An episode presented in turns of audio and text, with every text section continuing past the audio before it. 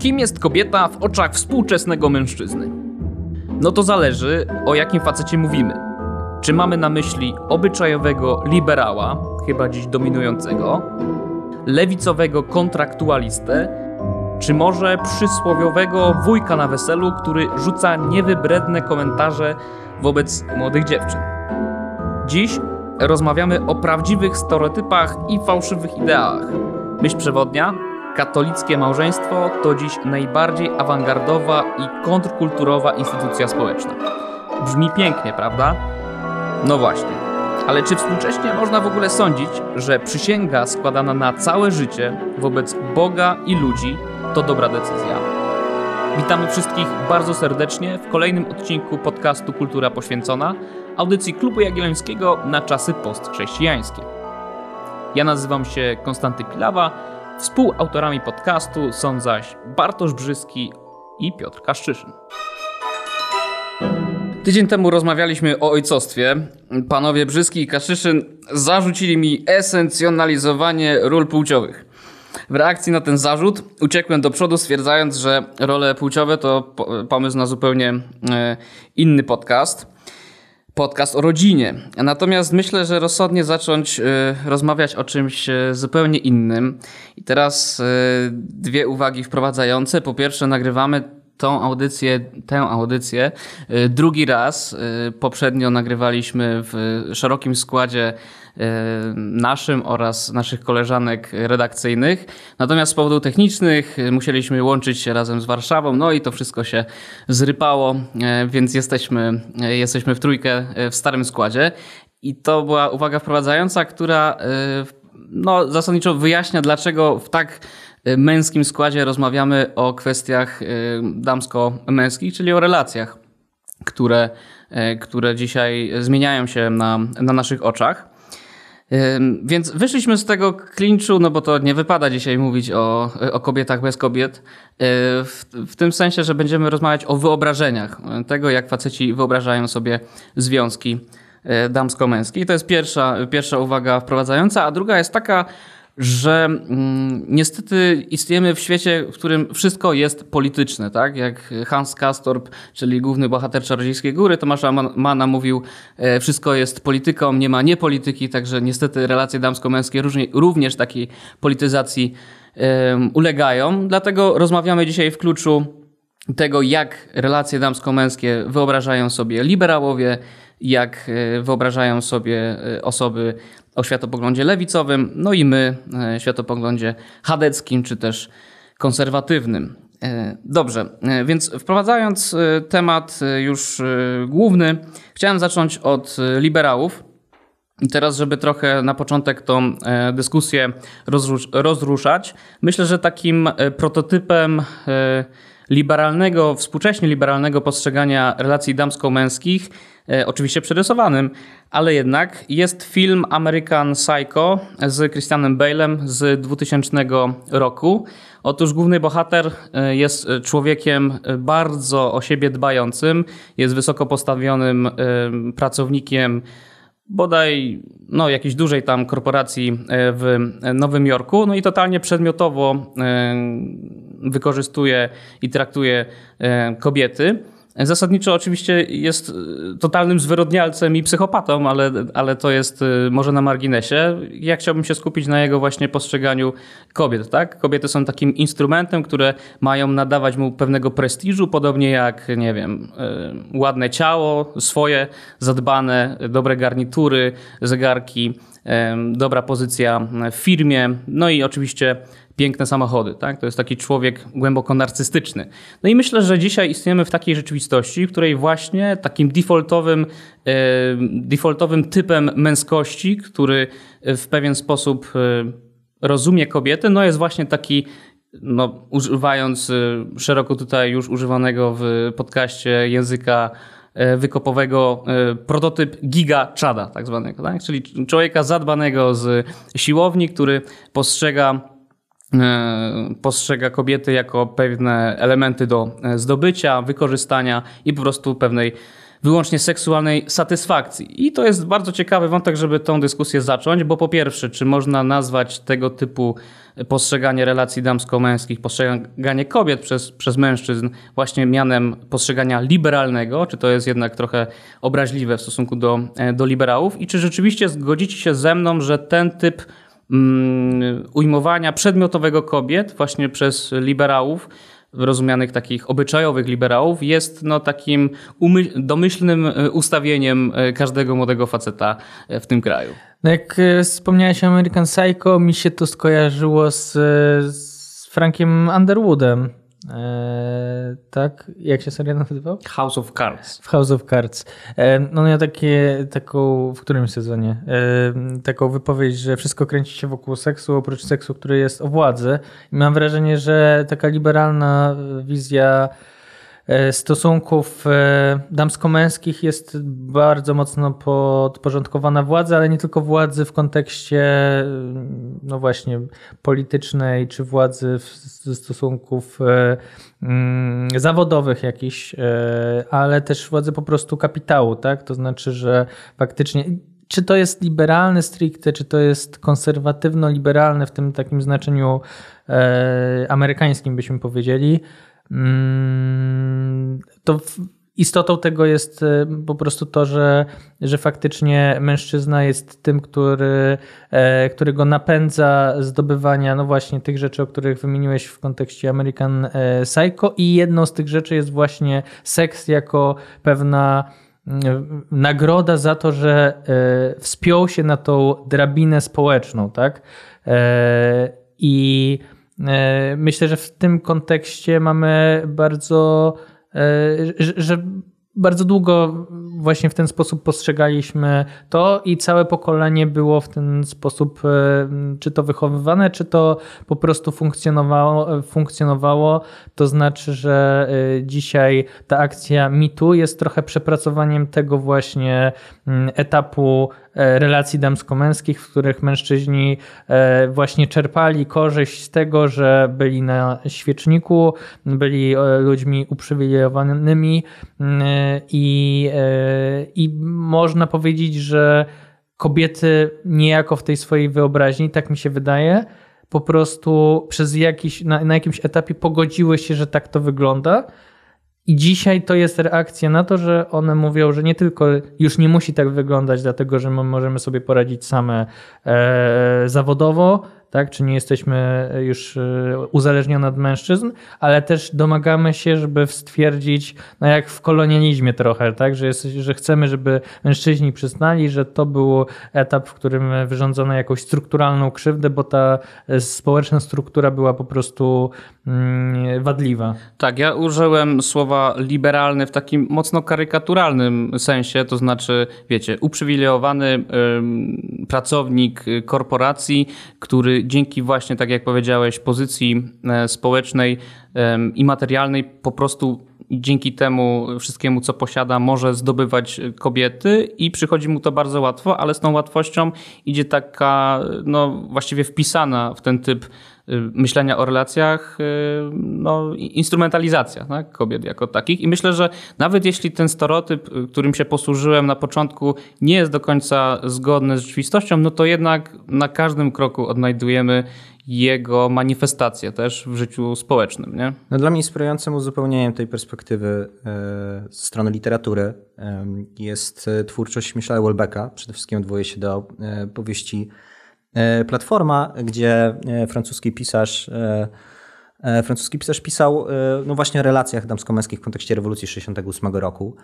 Nie streszczając samej fabuły, jakby kluczem jest tak naprawdę wniosek, który Welbeck wyciąga. To znaczy on zwraca uwagę, że tak często rewolucję 68 roku postrzegamy w kategoriach wolnej miłości pewnego egalitaryzmu w relacjach seksualnych między mężczyzną a kobietą.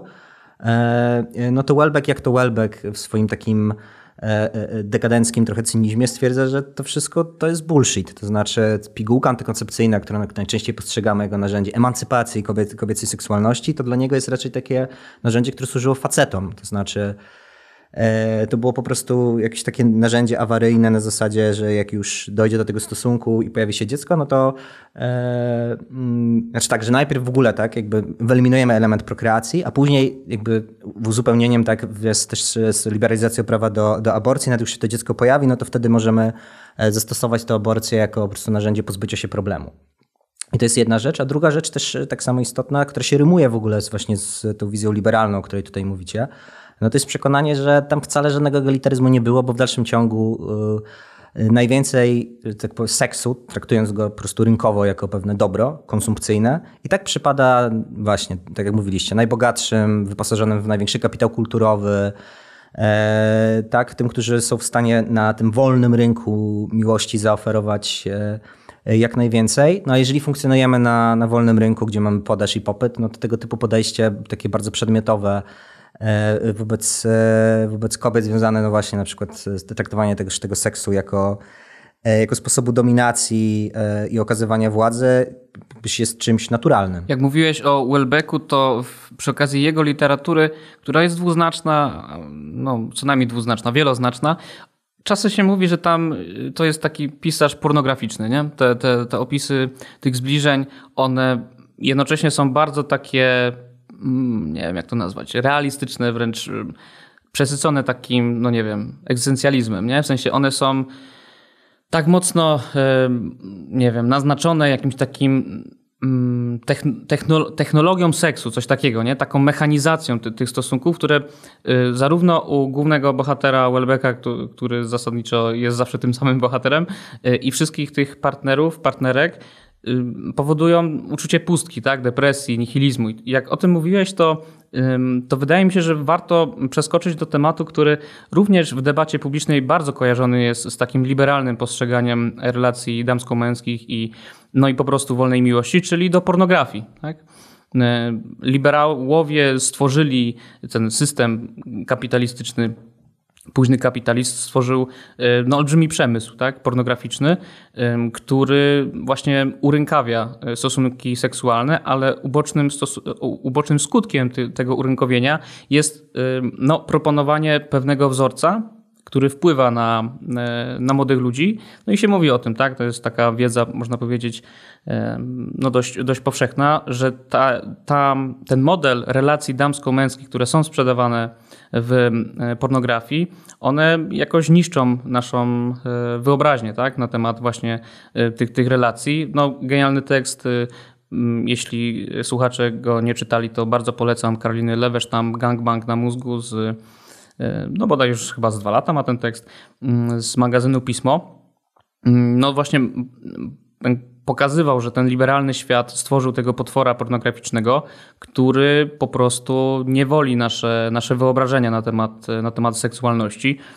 No i ciekaw jestem, czy macie takie same intuicje, tak? Czy, czy można po prostu mm, tych biednych liberałów oskarżać o, o wszystko, co najgorsze, również w tym, e, w tym aspekcie, bo liberałowie dzisiaj w debacie publicznej są takimi chłopcami do bicia. Zarówno lewica, jak i, jak i prawica lubi, lubi ich okładać e, ze wszystkich stron. No i czy to jest w ogóle słuszne, tak? Czy, czy można mu wiedzieć o tym, że przemysł pornograficzny jest prostą wypadkową światopoglądu liberalnego? Przede wszystkim wydaje mi się, że y, ten ostrzał liberałów wynika dzisiaj w dużej mierze z tego, że e, dzieci tychże ostrzeliwują ich czy to z konserwatywnych, czy z lewicowych e, mm, stron po prostu niejako e, stawiając ten liberalizm i rodziców, którzy którzy reprezentują go przed sądem niejako. Natomiast e, po pierwsze, jak powiedziałeś o Karolinie Lewestam, to ja bym raczej wskazał na ten tekst o narcyzmie, czyli ten świeższy tekst, bo American Psycho, przecież tam Christian Bale e, uprawiając seks patrzy we swoje odbicie w lustrze. Dokładnie. On nie patrzy na swoją kochankę, tylko, e, tylko na siebie, tak? bo ta kobieta jest tym, co potwierdza twój status tak? I to jest, e, myślę, że to jest przede wszystkim e, ta chora sytuacja, w której seks staje się właśnie potwierdzeniem e, twojego samopoczucia i tego, kim, co on oznacza i dzisiejsze problemy z relacjami i to, że mężczyźni się radykalizują, tak, no, cały ten wątek inceli z tego się bierze, że właśnie nie, nie mając relacji seksualnej nie potwierdza się ich męskość. To jest jedna rzecz, a też w kontekście samej pornografii, no to przypomina mi się ten film z Wstyd z Michaelem e, Fassbenderem, właśnie, e, który już nie jest tym Christianem Bale'em, który jest człowiekiem sukcesu, tylko jest człowiekiem tragedii, bo zaplątał się w, w sytuację, tak, jest seksocholikiem, jest uzależniony od pornografii, korzysta z usług e, prostytutek, a w momencie, w którym idzie z przygodną kobietą do łóżka, to nie jest w stanie w ogóle mówiąc. Yy, nie jest w stanie współżyć. Nie jest w stanie współżyć, tak. Próbowałem to jakoś zawolować, ale, ale tak. I, i jest mu po prostu wstyd, że, że nie jest w stanie tego, mm, tego zrobić. I to jest film tra tragedii, więc można powiedzieć, że to jest taki, jakbyśmy sobie rozrysowali trochę te, te filmy, książki na takiej osi, to widzielibyśmy od takiej apoteozu tego liberalizmu, gdzie to jest taki American Dream, że ty możesz być tym e, Christianem Bale'em przez tego Fassbendera i sytuację dzisiejszą, w której wszyscy mówią, że jakby ty nie będziesz Christianem Bale'em, nie? Ty jednak, ty nawet nie będziesz Michaelem Fassbenderem. To jest, jakby to, to, to wszystko musi iść do, do piachu, bo to jest pewien mit.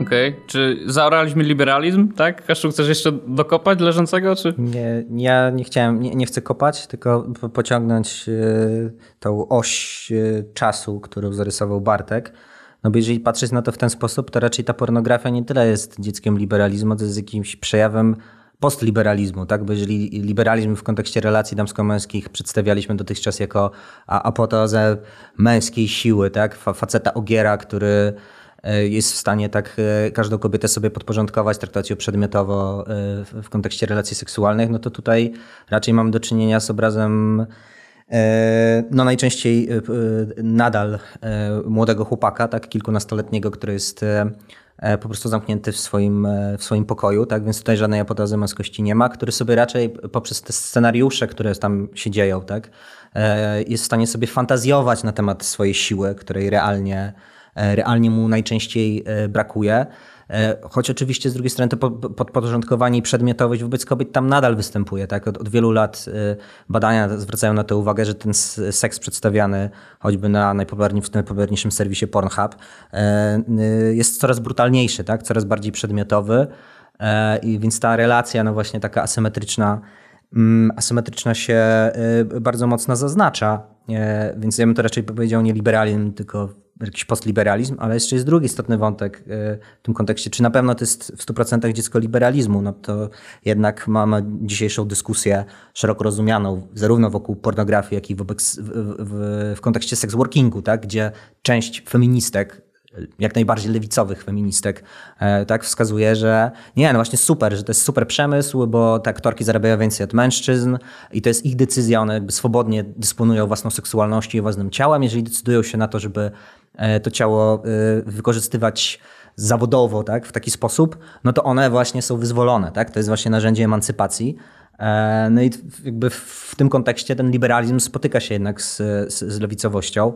E, I jednak większość feministek, no właśnie, tak jakby jest po, po, tej stronie, e, e, można by powiedzieć, po stronie pornografii, jakby mniejszość tylko oponuje, zwracając uwagę, że no, jakby to nie jest tak jednoznaczne i takie proste. Cieszę się, że powiedziałeś o tym, że jest spór wewnątrz lewicy na temat sex workingu i te wszystkie imby w lewicowej banieczce, które E, są e, poświęcone temu tematowi, są najlepszą tego, no, najlepszym tego dowodem. Ja myślę, że zanim przejdziemy do, e, do tematu, jak lewica postrzega te relacje damsko-męskie, no to ciekawe było to, co, co mówiłeś o, o tych no, osobach, które pochłaniają pornografię, młodych facetach, które, którzy po prostu to jest dla nich jedyny i wyłączny sposób w ogóle myślenia o relacjach damsko-męskich i proste przekładanie tego, co się zobaczy w tym filmie na, na realne spotkanie z żywą dziewczyną za N lat, tak? Często dzisiaj dopiero około 30, bo, bo ten stopień inicjacji seksualnej często wśród szczególnie mężczyzn jest, jest coraz późniejszy i mam radykalne starcie tak? tych, tych wyobrażeń z, z rzeczywistością i to jest rzeczywiście bardzo traumatyczne często przeżycie. My w presjach czasopiśmie, które, które wydajemy. Już jakiś czas temu wydaliśmy numer właśnie Nowa Pruderia, który,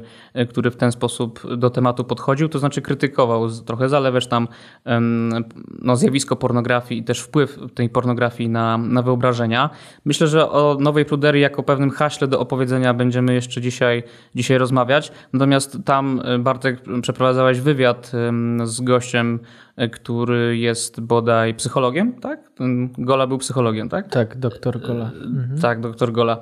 E, tam podawał szokujące dane, tak, że 5 milionów Amerykanów jest uzależnionych od pornografii. Nie? No to w tym sensie ja naprawdę nie rozumiem tej, tych narracji lewicowych, w których jednocześnie się mówi, że pornografia wychowuje do gwałtu, że pornografia tworzy pewne imaginarium, tak naprawdę na przykład w Polsce to jest właściwie jedyny sposób edukowania seksualnego, tak? A z drugiej strony mówi się, że, no, że gwałty są największą plagą rzeczywistości również polskiej. No tak, są i można uważać, że, że to jest bardzo poważny problem, z którym trzeba się bardzo mocno rozprawiać, ale jakim cudem można jednocześnie utrzymywać, że pornografia jest spoko, no bo te kobiety się na to godzą. No co z tego, że się godzą, skoro wychowują e, tabuny inceli, którzy będą źle postrzegać relacje damsko-męskie, tak? Jakby te, te, tego, tej sprzeczności po prostu nie rozumiem. To jest takie imaginarium y, światopoglądowe, które po prostu jest dla mnie skażone jakimś y, pierwotnym błędem, paradoksem, który, do którego nawet nie chcę, nie chcę wchodzić. Szczerze mówiąc, nie, nie śledzę tej, tego sporu w, w ramach lewicy, natomiast wydaje mi się, że to są y, dyskusja może być z dwóch mm, na dwóch płaszczyznach się toczyć. To znaczy, jedna to jest typowo ekonomiczna, to znaczy ludzi, którzy mówią, kiedyś kobiety e, były uzależnione od przemysłu pornograficznego, który był męski, więc to, że mogą być teraz e, niezależne i decydować o sobie i być ekonomiczne, wolne, to jest dobre, bo się uniezależniły i są podmiotowe, i druga to jest ta, ta część kulturowa, która mówi to, co ty, to znaczy, że przemysł pornograficzny sam w sobie jest zły, bo, bo mm, utrwala jakieś stereotypy, czy właśnie e, jakoś tam, nie wiem, wiktymizuje, czy, czy, czy sprawia, że, że to kobiety będą jakoś przedmiotowo e, traktowane i myślę, że ten, ten spór trochę na tym polu się mm, e, odbywa. Natomiast to też jest spór w ramach jak już w kontekście tego, czego nie rozumiemy, e, i e, mówiłeś o tym wywiadzie w gazecie wyborczej, tam fajny wątek był dotyczący tej książki J.K. Rowling i E, Ale nie Harry'ego Pottera, tej serii z Kormoranem, Kormoranem Strajkiem, tak? To tak, są kryminały.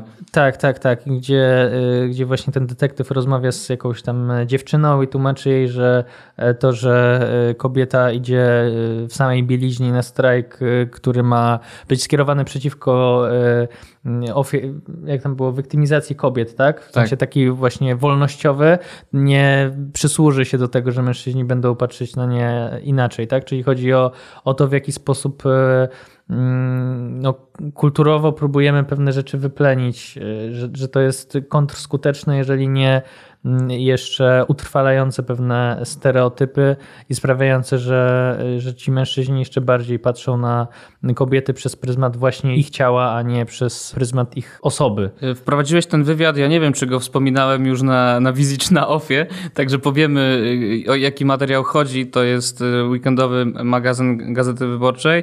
I to jest wywiad y, Krystyny Rymanowskiej, która rozmawia z Katarzyną Szumlewicz. W ogóle to jest ciekawa rzecz i myślę, że do tego możemy teraz y, przejść. Powiedzmy, że liberałów mamy za sobą, teraz y, zastanowimy się, jak na relacje damsko-męskie patrzy imaginarium lewicowe i myślę, że tutaj słowem kluczem jest kontraktualność. Tak? To jest taka reakcja na, na skandale związane z mitu, które z, z, znowu kojarzą się z no, pomnikami starego liberalnego świata. No, case na przykład Woody'ego Allena, tak? W, w Polsce to będzie case Kamila Durczoka na przykład, tak? Więc ten, ten wywiad jest bardzo ciekawy. Bo zasadniczo mamy tam perspektywę starego i nowego feminizmu e, polskiego i jest e, no właśnie tym, tym słowem kluczem i jak taką narracją, która, e, która jest proponowana jest to, jak stara, stare pokolenie feminizmu patrzy na osoby typu Maja Staśko, tak? które, które mocno o tej kontraktualności w relacjach damsko-męskich mówią, szczególnie w perspektywie trudnego tematu gwałtu.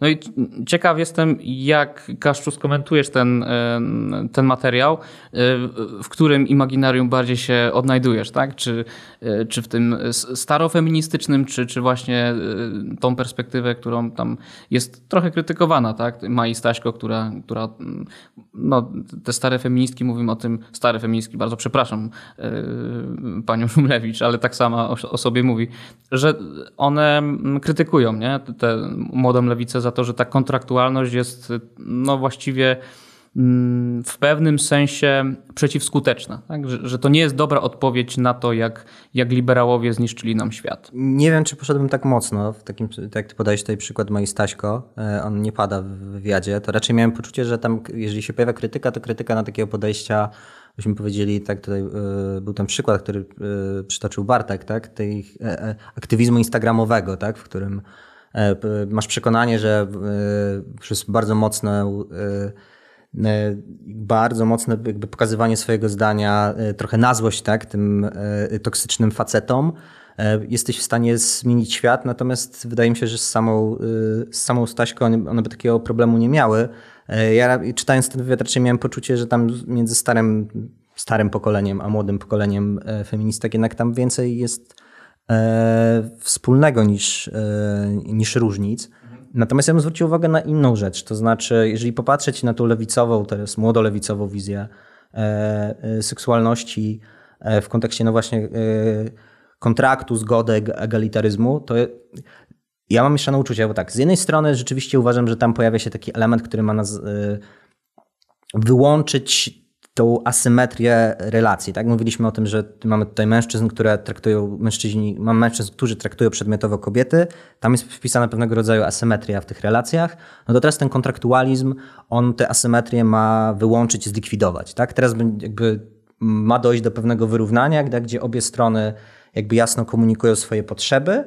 E, pojawia się no właśnie element, e, element tej zgody i jakby to jest jakby na tym poziomie, tak czysto patrząc, E, e, jakby to powiedzieć formalnie, tak, to jest krok do przodu. Tylko jest jeszcze dru, druga jakby generalnie płaszczyzna, z którą e, ja mam większy problem, bo to na jakimś poziomie Owszem, to jest wyrównanie, ale wyrównanie w ramach wciąż tej samej logiki męskiej, to znaczy logiki, w której teraz tak naprawdę te kobiety no, trochę zaczynają się bardziej zachowywać jakby męż jak mężczyźni. O co mi chodzi? No, tak w dalszym ciągu mamy do czynienia z sytuacją, w której Wcześniej mieliśmy tak tych liberalnych mężczyzn, którzy traktowali po prostu seks e, tak jako coś. Um, no chcę, mieć, chcę mieć ten seks, więc go otrzymuję, tak? Idę do kobiety e, e, i to robię. I tutaj mamy jakby podobną logikę, w takim sensie, że kobiety chcą teraz powiedzieć, my będziemy jak mężczyźni, więc jak chcemy dostać ten seks, to ten seks. E, dostaniemy. Więc tak naprawdę to jest jakby wyrównanie szans w ramach tej samej gry, gdzie jakby seks traktowany jest no właśnie tak bardzo bym powiedział usługowo w dalszym ciągu. E, więc jakby to jest wyrównanie szans w ramach tego pola i jako wyrównanie tych szans jest ok, tylko wydaje mi się, że z naszej perspektywy szeroko rozumianej katolicko-konserwatywnej to będzie dosyć problematyczne. Dobra, no to może dopowiadając, bo mam wrażenie, że, że trochę Kaszczu o tym mówisz. Rozumiem, że chodzi ci o taką kulturę Tindera, jak to chyba kiedyś tam nazwałeś w którymś tekście. To znaczy, że korzystanie z tych aplikacji randkowych czyni z seksualności, która jest sferą bardzo intymną, taki trochę można powiedzieć nie wiem jak to ładnie nazwać, McDonaldyzację tak, stosunków seksualnych. Zamawiasz i zasadniczo jesteś y, użytkownikiem takich no, wymiany, tak, wymiany partnerów. No i to się kojarzy z taką narracją, która jest chyba na lewicy młodej najmocniej sprzedawana przez Joannę Jędrusik w krytyce politycznej.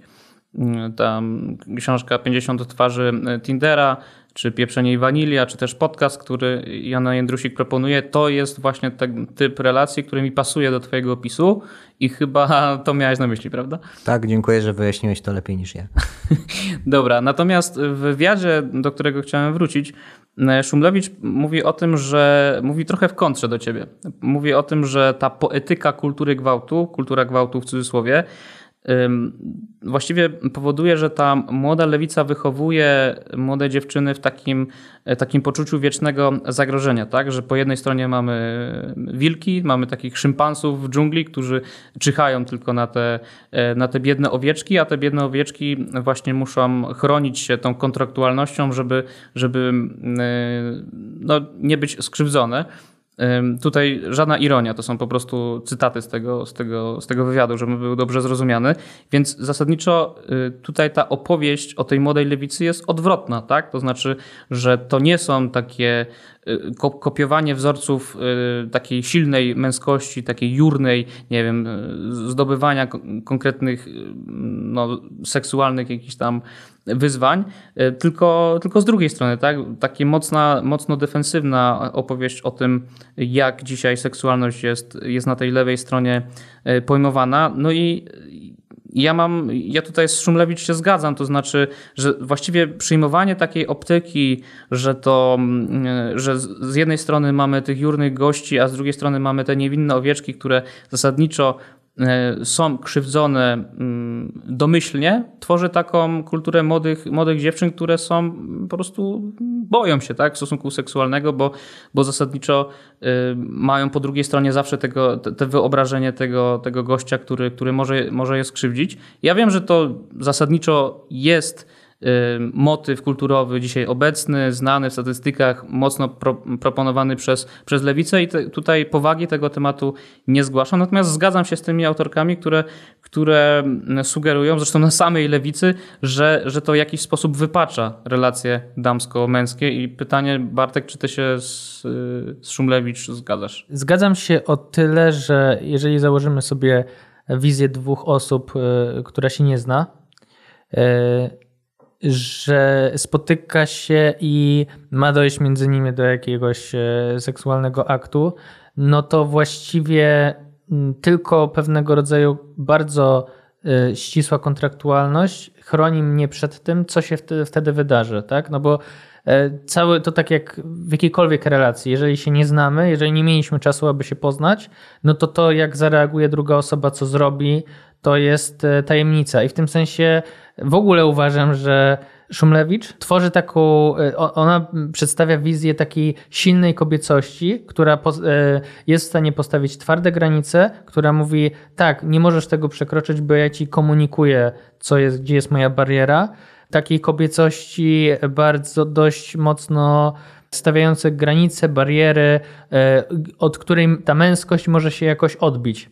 Natomiast mówi tak, młoda lewica, ponieważ e, zakłada właśnie taką agresywność, dużo trudniej stawiać granice, które nie są granicami w jakiś sposób e, zakontraktowanymi, tak? czyli wynikające po prostu z normalnej, z normalnej dynamiki społecznej, dynamiki spotkania, konwersacji e, i tak dalej. I w momencie, w którym na przykład dziewczynę spotyka e, jakaś wiadomość, której nie chciała, tak? to ona już czuje się, że to już jest, że nie jest w stanie odpowiedzieć pod tytułem nie życzę sobie takiej wiadomości, tylko to jest coś, co na przykład należy, nie wiem, upublicznić, tak? że, że, że mężczyzna wysłał do mnie taką, e, taką wiadomość, czyli że to nie jest już moment, w którym ja twardo stawiam e, granice i tylko to jest moment, w którym ta granica nigdy nie powinna zostać przekroczona.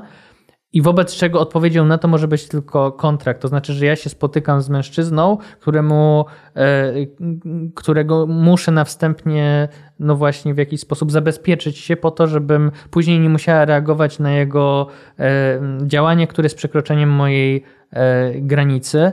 No i ja się zgadzam w tym sensie, że uważam to za konsekwentne, ponieważ, jak mówię, mam poczucie, że nie może dochodzić do, nie można mieć zaufania w momencie, w którym wchodzi się w intymną sytuację z osobą, której się nie zna, więc w tym sensie po prostu też jestem e, tutaj, e, uważam, że albo kontraktualność jest jakąś odpowiedzią, co możemy się zastanowić, czy to jest dobre, czy złe. Ja uważam, że jest, że jest złe, dlatego że odpowiedzią na to może być tylko budowana powoli, mm, w części oczywiście odpowiedzią, budowana powoli mm, relacja, której oczywiście te, nie wiem, no, ryzyko czy, czy istnienie właśnie jakieś przekraczania granic, gwałtu i tak dalej nadal istnieje oczywiście, nie? No albo ewentualnie to, co Szumlewicz postuluje, to znaczy bardzo silne e, postanowienie pod tytułem ja muszę mieć silną osobowość, która jest w stanie w takiej relacji dynamicznej, jednak obarczona jakimś ryzykiem, bardzo e, jasno stawiać swoje granice, zachowywać się w sposób, mm, w sposób, który w tym świecie może się zderzyć. W świecie, w którym e, każdy gra o to właśnie, że, e, no, na przykład, że, że chce uprawiać seks, tak? Tak jak to powiedziałeś, to myślę, że bardzo łatwo cię zaorać, w takim sensie, że powolna zmiana kulturowa, trzeba się starać i szanować kobiety, super. Natomiast z drugiej strony pada argument, kontraktualność jest i może niedoskonałym zabiegiem, niedoskonałym narzędziem, ale po drugiej stronie masz codziennie krzywdzone kobiety, gwałcone, które oczekują zmian tu i teraz, tak? Oczekują zmian prawnych, oczekują tego, abyśmy zareagowali y, tą kontraktualnością, która realnie może pomóc ofiarom, nie? Więc jak ty mówisz o, o kulturowej zmianie, która się dokonuje małymi krokami w dłuższej perspektywie czasowej, no to to w ogóle nie przekonuje lewicy, bo to jest y, w tym imaginarium, jak rozumiem, takie myślenie o, no właśnie patriarchacie, nie? Spokojnie, macie kobiety poczekać, aż zmienimy ten świat, nie? Trochę ironizuje, nie? Ale to, to chyba w tej, w tej retoryce tak, tak wygląda. I tu jednak jest jakaś słuszność, tak? Jeśli mówimy o, i tu zaraz ci Kaszczu oddam głos, bo, bo chyba już jesteś w bokach, y, jeśli mówimy o y, przywileju seksualnym męskim, tak? O tym, że to jakoś y, funkcjonuje w rzeczywistości, również polskiej. I po jednej stronie mamy taką opowieść pod tytułem Zmieńmy to kulturowo, bo kontrakt jest bez sensu, bo zabija y, no, naturalność relacji damsko-męskich i tutaj się z tym zgadzam.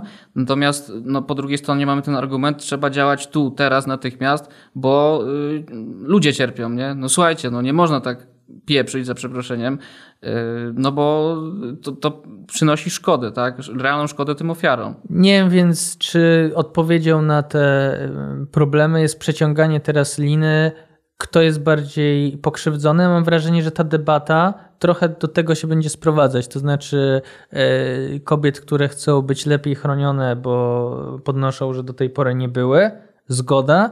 Na, yy, I z drugiej strony mężczyzn, którzy mówią, przecież my teraz nie będziemy potrafili wchodzić z wami w relacje, bo się będziemy wszystkiego bali i staniemy w jakimś impasie.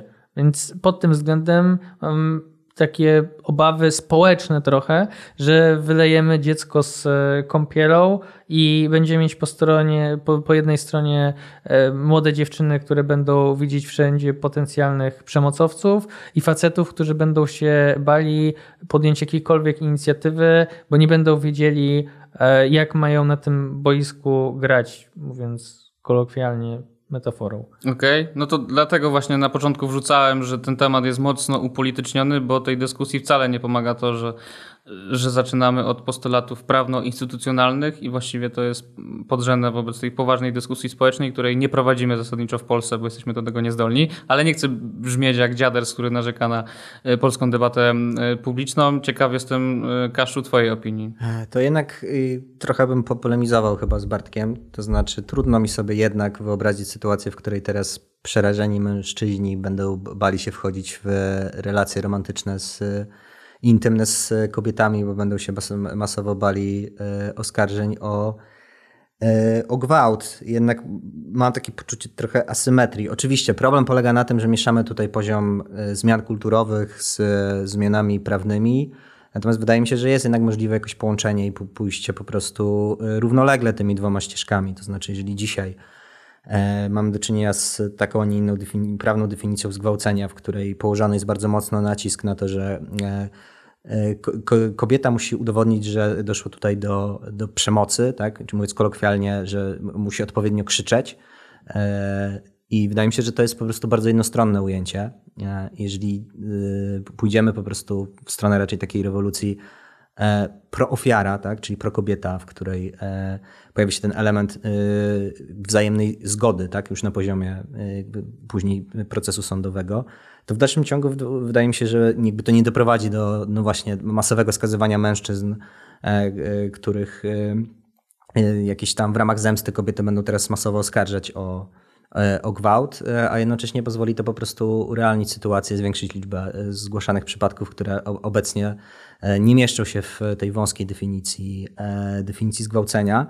E, I mówię to po prostu też z takiej perspektywy konserwatywo-katolickiej, bo lewica oczywiście lubi pakietować te rzeczy tak, bardzo mocno, natomiast wydaje mi się, że możliwe jest po prostu odpakietowanie, powiedzenie, ok, jakby robimy to, ale na poziomie kulturowym na przykład sprzeciwiamy się takiej mocno czy radykalnie kontraktualnej wizji, w której, tak jak tu mówiłeś, seks jest jakimś elementem McDonaldyzacji.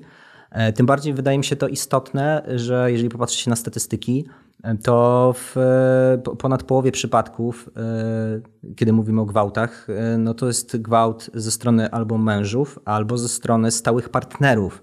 Więc sprowadzenie teraz wszystkiego do perspektywy, że wystarczy, że wszyscy wejdą w stałe związki albo w małżeństwo, a problemem jest tylko i wyłącznie E, e, lewica, tak, która e, uprawia seks na lewo i prawo i że to jest jakby klucz problemu, no to nie jest takie proste niestety.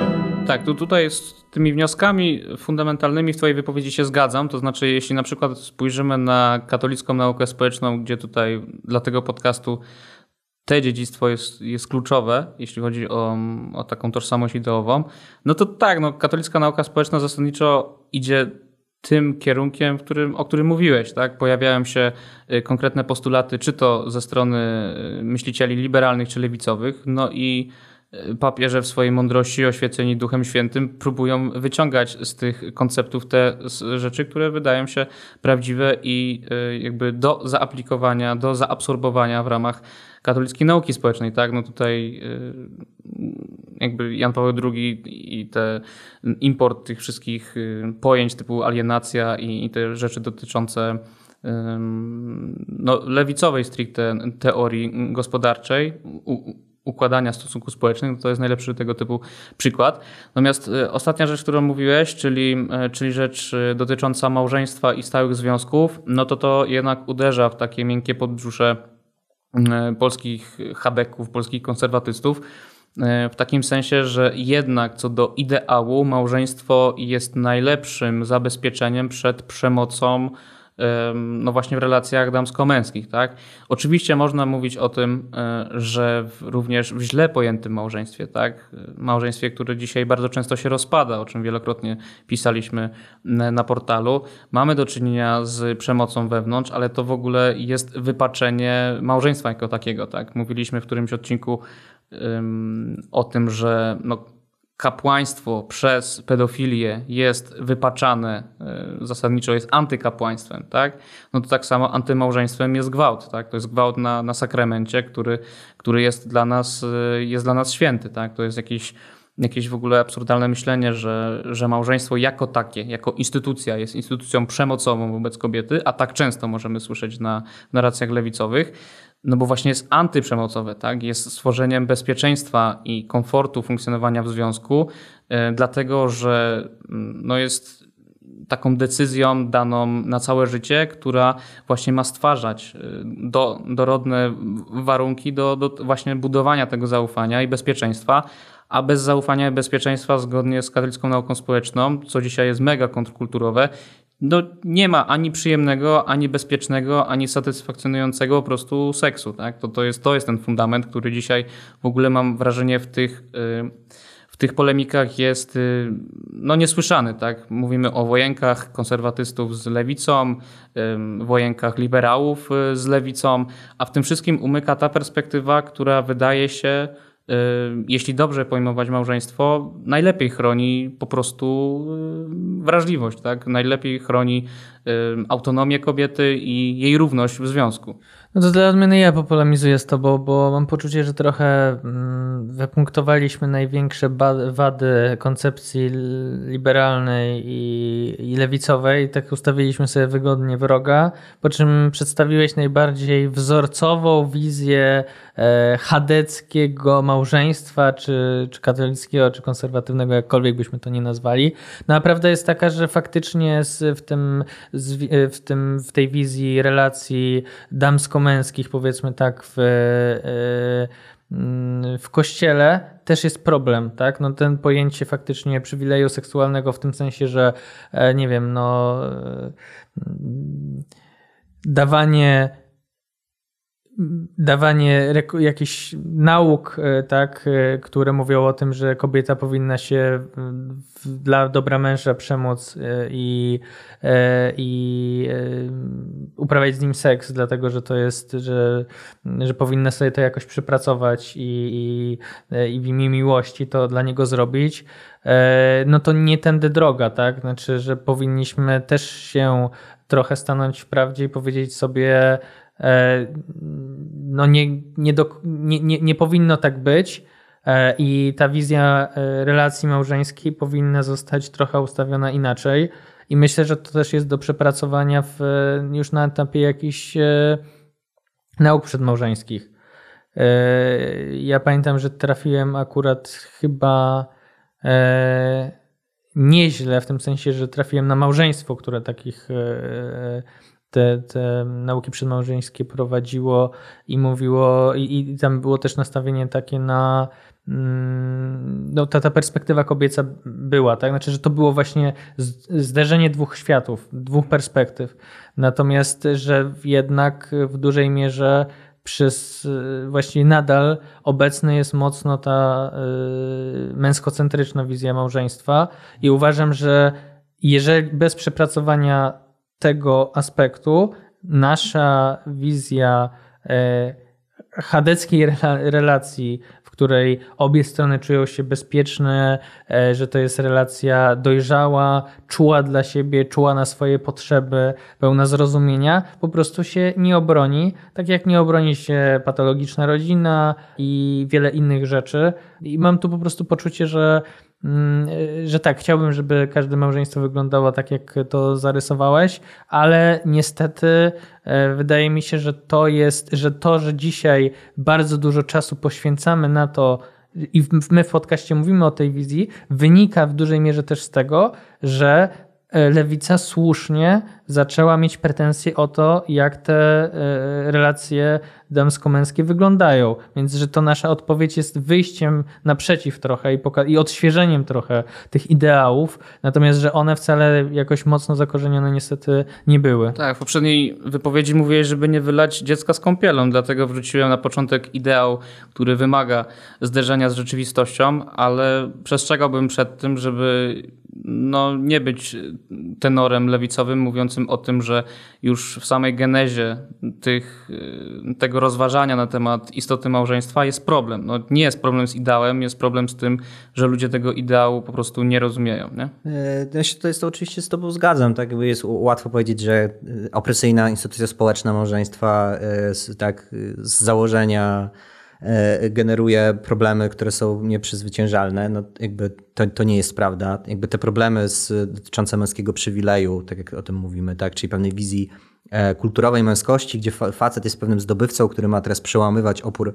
e, kobiety, jest czymś wspólnym, moim zdaniem, tak i, i dla liberałów, jak mówiliśmy wcześniej, E, i też dla części, e, części konserwatystów, tak, którzy jakby w trochę jakby innym kulturowym mindsetie zostali wychowani, tak, ale też jakby ten kulturowy mindset jest podobny, tak, czyli ja jako mężczyzna mam się tak mocno zaopiekować tą kobietą, e, ona ma być w jakimś stopniu uległa i podporządkowana, że moim zdaniem jakby ten element, element się może po prostu tak samo pojawić i jakby w takiej już bardzo radykalnej e, wersji, tak, o, o, z jednej strony konserwatywnej, z drugiej liberalnej, tak można powiedzieć, że po stronie konserwatywnej e, już taka totalnie zdegenerowana wersja tego męskiego przywileju, no to jest, wiecie, taki trochę obleśny wujek Zdzisiek z wesela, tak?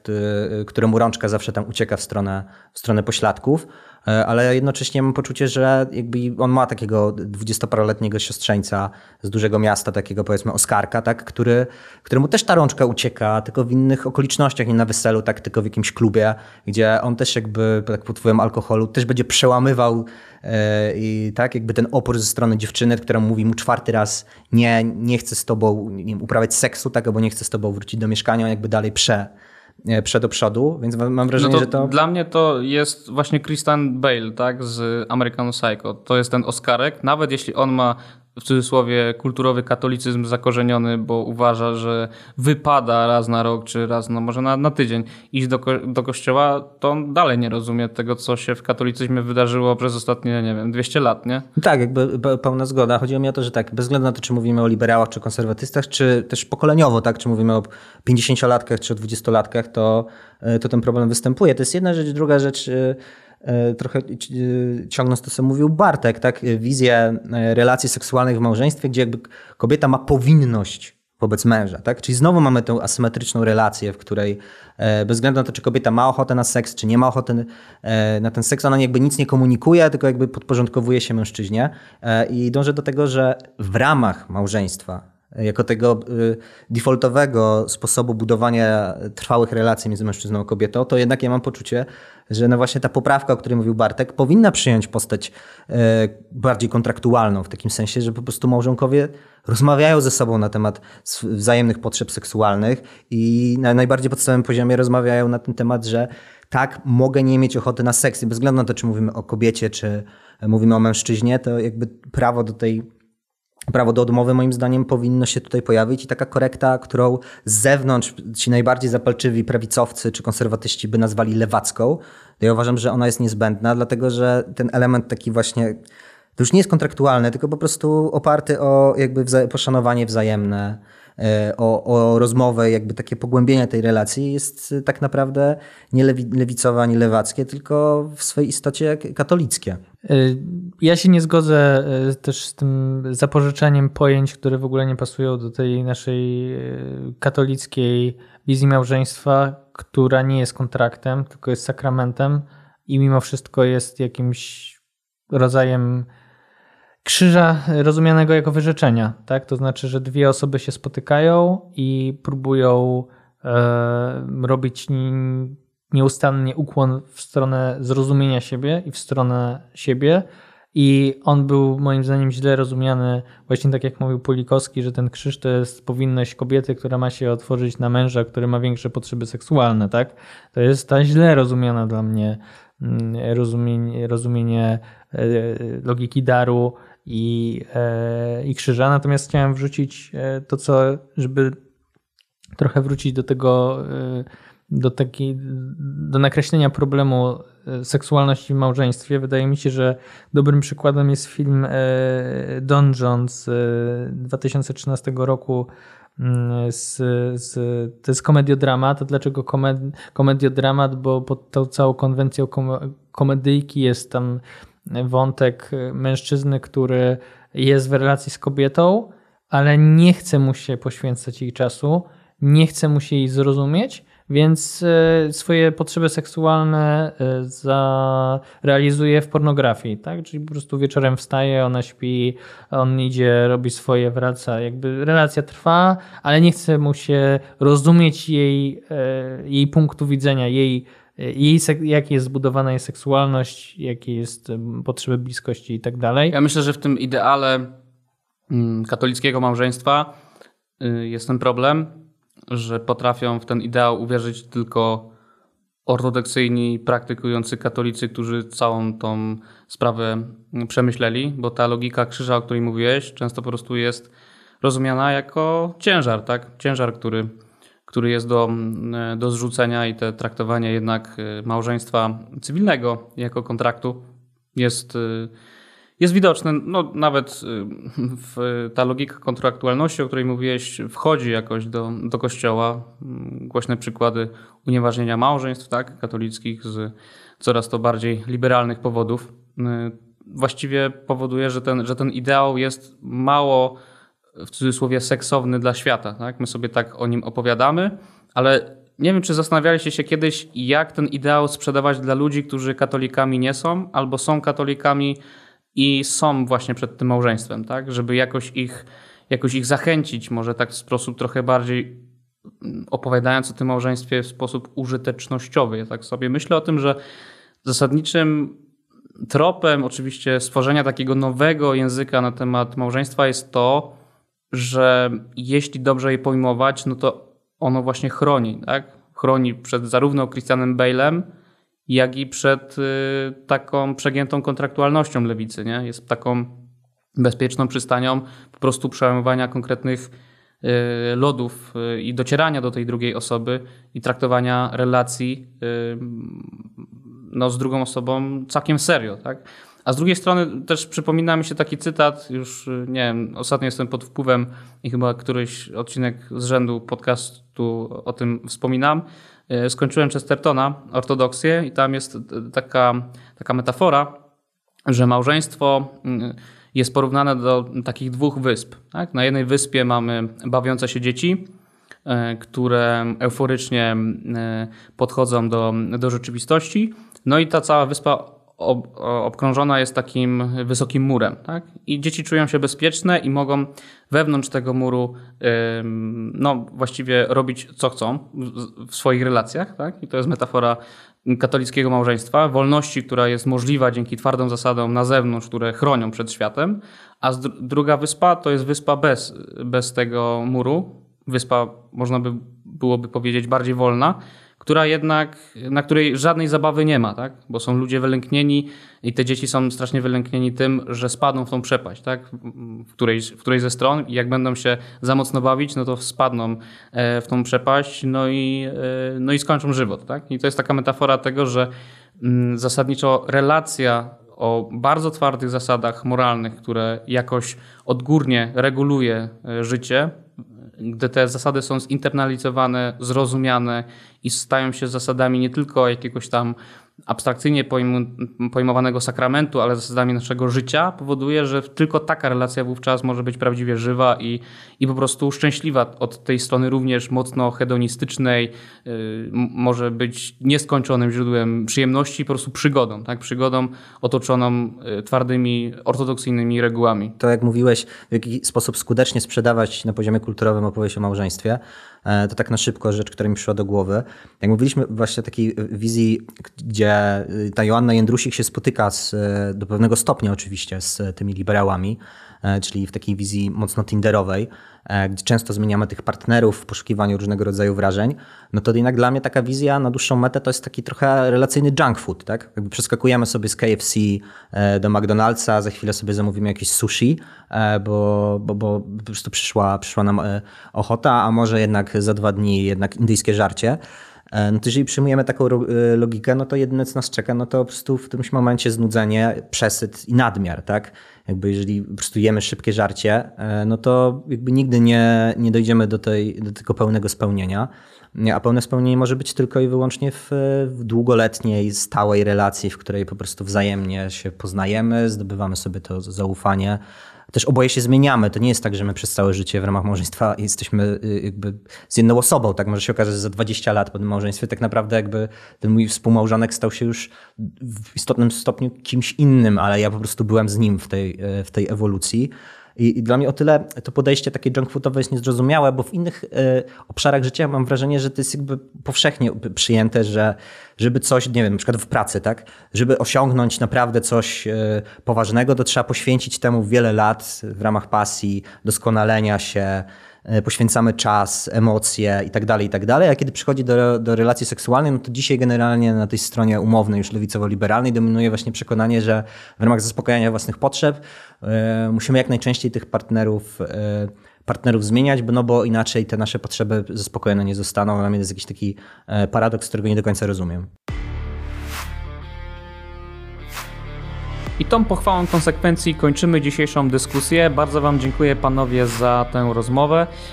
No i też dziękuję wszystkim słuchaczom za cierpliwe czekanie na ten odcinek Kultury Poświęconej. Powtarzając z początku, odcinek sobotni nie wydarzył się z przyczyn technicznych, a szkoda, bo Daria Hibner, czyli szefowa kultury e, na naszym portalu, e, Karolina Olejak, szefowa architektury społecznej na naszym portalu i Marysia Sobuniewska, czyli autorka i wydawca naszego portalu miały naprawdę wiele ciekawych e, rzeczy do rozkminienia. Będziemy najprawdopodobniej w niedalekiej przyszłości mm, próbowali z nowymi formatami, zapraszając e, gości do, do naszych rozmów. Nie będziemy zdradzali, co e, czeka nas już w sobotę.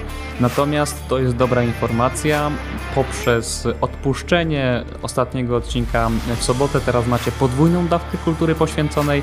No a my z chłopakami już w czwartek prawdopodobnie będziemy siadać i nagrywać następną rozmowę. Korzystając z okazji chciałem podziękować za wsparcie, które udzielacie klubowi jagiellońskiemu, a szczególnie przypomnieć o tym, że już 30 kwietnia, czyli w piątek, mija termin rozliczania podatku dochodowego, a tam macie możliwość przekazania 1% na naszą organizację, no a klub jagielloński w bardzo dużej mierze właśnie dzięki takim darowiznom funkcjonuje. Za wszelkie wsparcie dziękujemy, no i do słyszenia w sobotę. Teraz obiecujemy, że będziemy punktualni.